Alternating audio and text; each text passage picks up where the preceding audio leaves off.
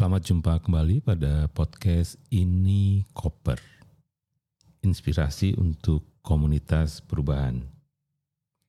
Ada banyak pertanyaan kepada saya tentang bagaimana sebenarnya mengukur sebuah dampak dari kegiatan ya dari sebuah program atau sebuah proyek khususnya di pembangunan sosial ya.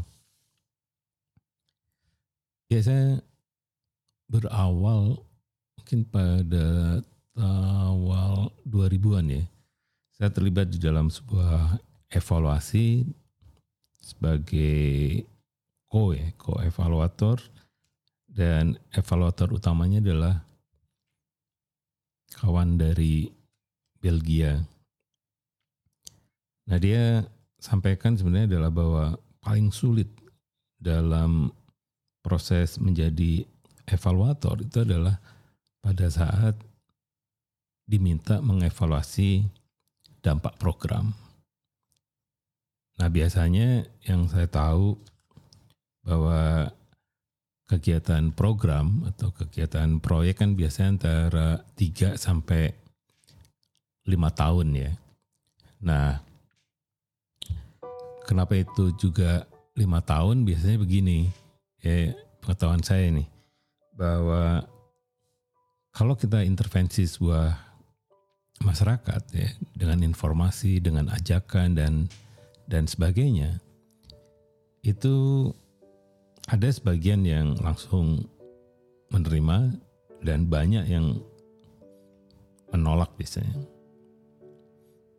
Ya karena kalau kita mengajukan sesuatu yang baru itu punya resiko kan, punya resiko untuk gagal juga.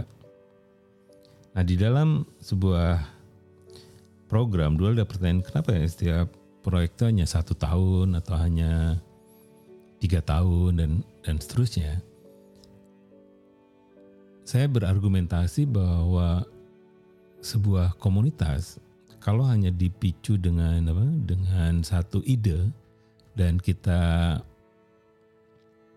intervensi dengan kecil sekali, maka biasanya dalam waktu lima tahun ide yang cocok dengan komunitas yang sedang diintervensi bisa mengubah perilaku dan sosial di di masyarakat. Jadi tanpa biaya apa pun asal ada ya ada ajakan, ada ada ada inisiatif yang kemudian ditawarkan kepada sebuah masyarakat dan tanpa harus ada intervensi yang intensif ya. Itu 5 atau 10 tahun kalau ide itu memang keren biasanya di diadopsi oleh sebuah komunitas gitu. Nah, kenapa ada program dan proyek kalau demikian? Saya berpendapat bahwa sebenarnya tujuan dari proyek itu adalah untuk apa ya semacam mempercepat ya. Mempercepat hasil yang diharapkan. Karena kalau tidak ada intervensi ya didiamkan pasti masyarakat juga berubah. Oleh karena itu proyek biasanya kalau kita hanya satu tahun satu tahun ya fokusnya hanya pada output kegiatan. Berapa orang ikut latihan, berapa orang yang memperoleh manfaat dan dan sebagainya. Nah, kenapa tiga tahun? Tiga tahun biasanya untuk memperoleh hasil. Ya, jadi harapannya adalah kalau ada satu inisiatif yang berjangka panjang sekitar tiga tahun, itu diharapkan bahwa ide yang ditawarkan bukan sekedar bisa dilakukan, tetapi sudah diterima oleh komunitas sasaran menjadi sesuatu yang baru bagi mereka dan menjadi apa ya bahwa ide-ide yang ditawarkan itu mulai diimplementasikan. Kalau kita membuat sebuah tim kerja atau uh, tim kerja di lapangan tim itu sudah berfungsi ya. Kalau misalnya kita mendorong untuk menanam apa tumbuhan-tumbuhan obat misalnya tumbuhan untuk keluarga-keluarga miskin ya di halaman yang ada di sekitar rumahnya di perdesaan ya tanaman itu bukan sekedar tumbuh tapi sudah diolah menjadi obat atau makanan tambahan bagi keluarga itu. Nah sekarang bagaimana dengan impact? Nah impact di dalam tradisi para fasilitator dan evaluator itu baru terjadi setelah tahun kelima. Nah, di sinilah menjadi sangat-sangat sulit ya untuk bisa mengukur dampak karena boleh jadi programnya sudah selesai. Jadi dalam kegiatan saya misalnya beberapa tahun yang lalu dengan dengan Asoka ya sebagai fellow Asoka itu menarik ya sampai tahun ke-30 masih di dievaluasi gitu. Apakah ide yang dulu ditawarkan pada tahun dapat tahun 90-an itu saat ini sudah menjadi apa gitu. Apakah sudah bertransformasi, apakah sudah mati idenya atau sudah ber apa ya berkembang sesuai dengan apa yang dibayangkan pada saat itu. Jadi kalau demikian Mengapa dampak menjadi menjadi penting untuk untuk dilihat ya oleh sebuah organisasi misalnya. Yang pertama sebenarnya untuk accountability, untuk akuntabilitas organisasi itu. Dengan akuntabilitas itu, organisasi menjadi kredibel. Ya, bisa menjadi dipercaya baik oleh donaturnya ya boleh siapa saja tapi juga oleh kliennya oleh kelompok-kelompok sasarannya itu dipercaya oleh karena itu trust ini menjadi modal penting bagi organisasi untuk survive ke depan karena diyakini organisasi ini ya tadi accountable, credible dan terpercaya.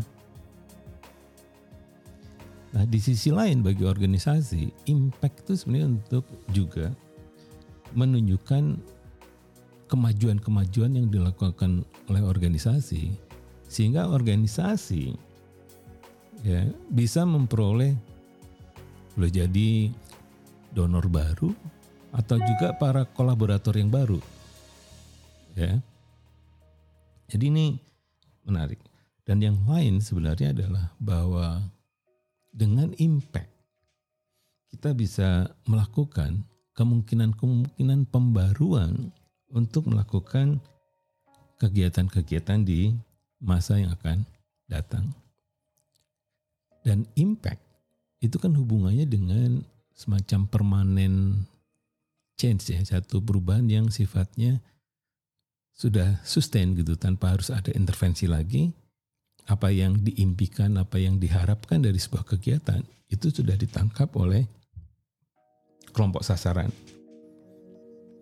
Dan impact biasanya pada akhirnya bagi organisasi adalah bagaimana kita membangun engagement pada kelompok-kelompok yang tadi semakin luas ya, dalam bisa scale up gitu ya untuk melakukan perubahan-perubahan yang lebih besar lagi. Nah, bagaimana kita mengukur impact? Yang paling penting sebenarnya harus ditanyakan kembali. Mengapa kita harus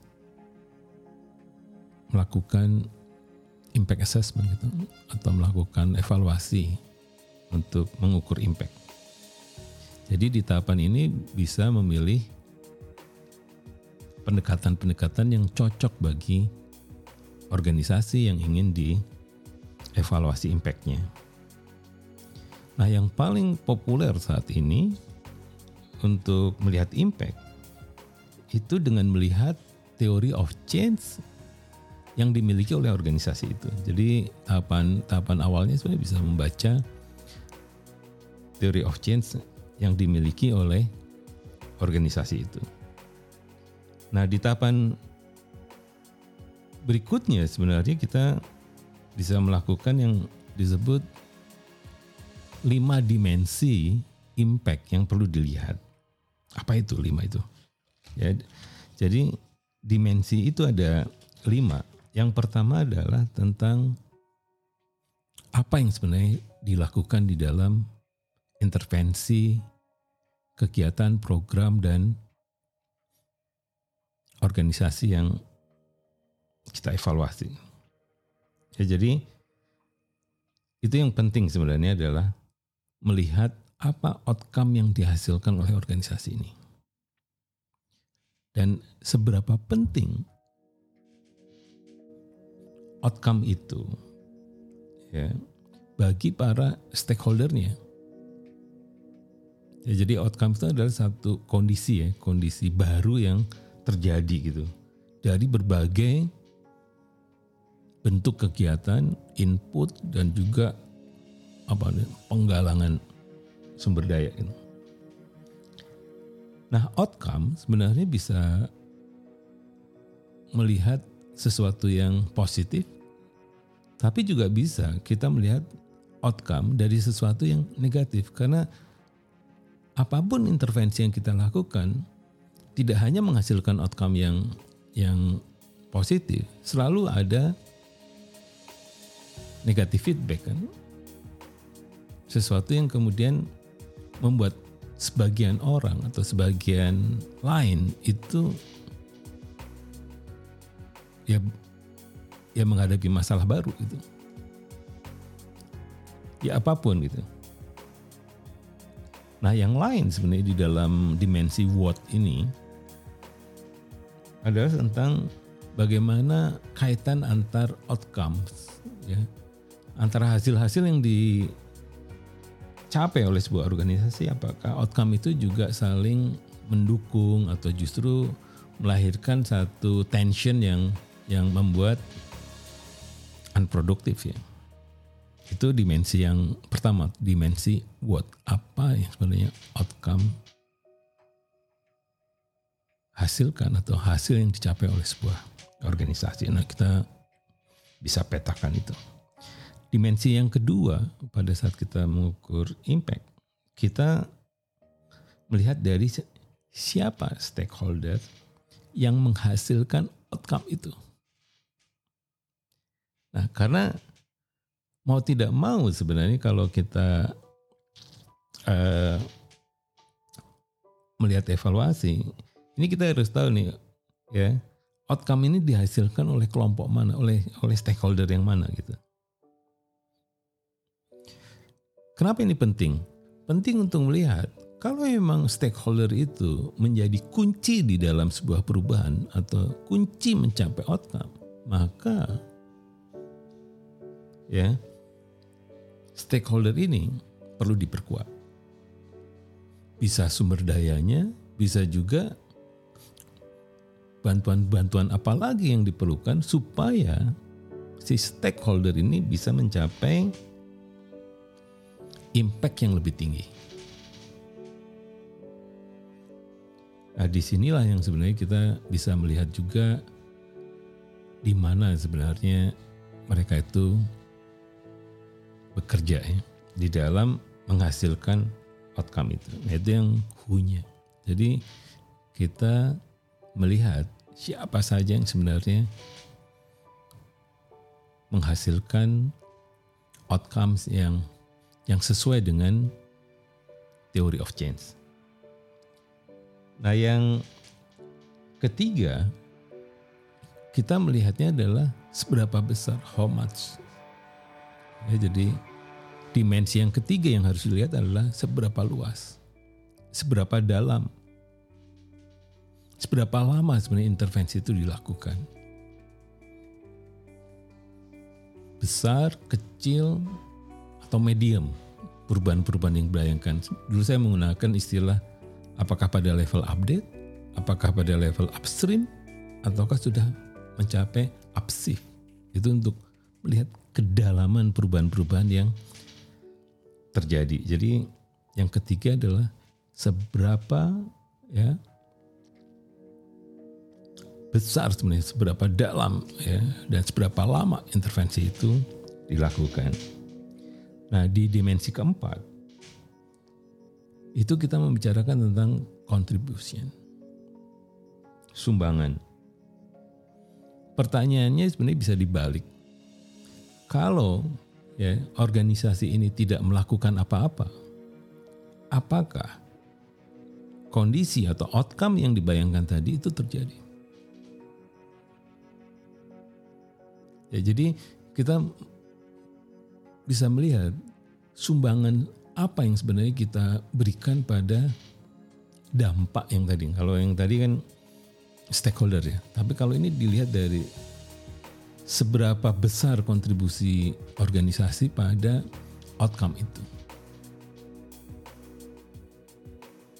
Nah ini untuk melihat ya kekuatan-kekuatan organisasi sendiri itu. Bisa kecil, bisa juga besar, tidak ada masalah. Tetapi kita bisa melihat seberapa seberapa besar kontribusi itu. Dan kalau kita ingin meninggalkan atau exit dari inisiatif itu, apakah program-program itu akan tetap berjalan? Nah, pengalaman saya di Asoka waktu itu juga ditanya. Ketika saya punya ide sosial yang yang saya tawarkan, pertanyaan mereka adalah kalau faktor Dani dihilangkan, apakah inisiatif ini tetap berkembang? Gitu? Itu pertanyaan jebakan ya. Kalau dijawab iya berarti saya masih sangat dominan pada ini, inisiatif itu dan punya kontribusi yang besar.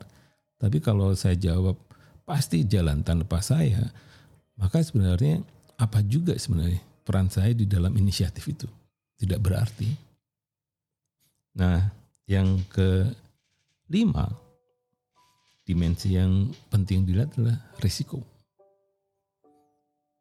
Nah, resiko itu ada dua kan, resiko yang kita bisa prediksikan dan kemudian kita mempersiapkan diri untuk merespon resiko itu. Ya kalau di di apa organisasi masyarakat sipil itu melihat misalnya tahun dua ya mulai tahun ini itu udah tahun politik kan? Ya tahun ini sampai tahun depan kemudian 2024 itu akan ada pemilihan umum. Yang kemudian memiliki resiko yang risiko tertentu ya banyak inisiatif kalau tidak ya dilihat secara politik maka intervensinya tidak dianggap penting gitu. Nah, risiko sebenarnya juga sesuatu yang kemudian terjadi tanpa kita bisa prediksikan seperti juga kasus pandemi COVID-19. Bagaimana pengalaman saya terpaksa saya harus belajar tentang podcasting, menjadi YouTuber dan sebagainya. Bagian dari survival bagaimana kita mengkomunikasikan apa yang kita ingin bagi kepada audiens kita. Dan transformasi itu ternyata juga tadi bisa gagal, bisa juga berhasil. Tapi pada intinya adalah ketika risiko itu di, dihadapi, apa yang kita bisa lakukan di dalam upaya terus konsisten mencapai dampak yang kita inginkan. Jadi demikianlah ya apa yang ingin saya sampaikan tadi tentang bagaimana kita melihat lima dimensi impact yang harus dilihat. dilihat. Nah baru kemudian bisa dilakukan apa semacam fokus-fokus ya, semacam prioritas fokus mana yang ingin dilihat spesial. Karena kalau kita bicara impact itu bisa apa saja dan dan kita bisa fokus tentang apa yang sebenarnya kita ingin tahu. Lagi-lagi kita harus kembali ke teori of change-nya. Nah, kalau tidak ada teori of change, itu yang sering terjadi ya di dalam proses evaluasi. tiba-tiba kita buta karena tidak tahu awalnya mulainya dari mana. Seolah-olah semua kegiatan sudah dilakukan, output sudah dicapai, tetapi ketika kita mau melihat impact, gak nyambung gitu.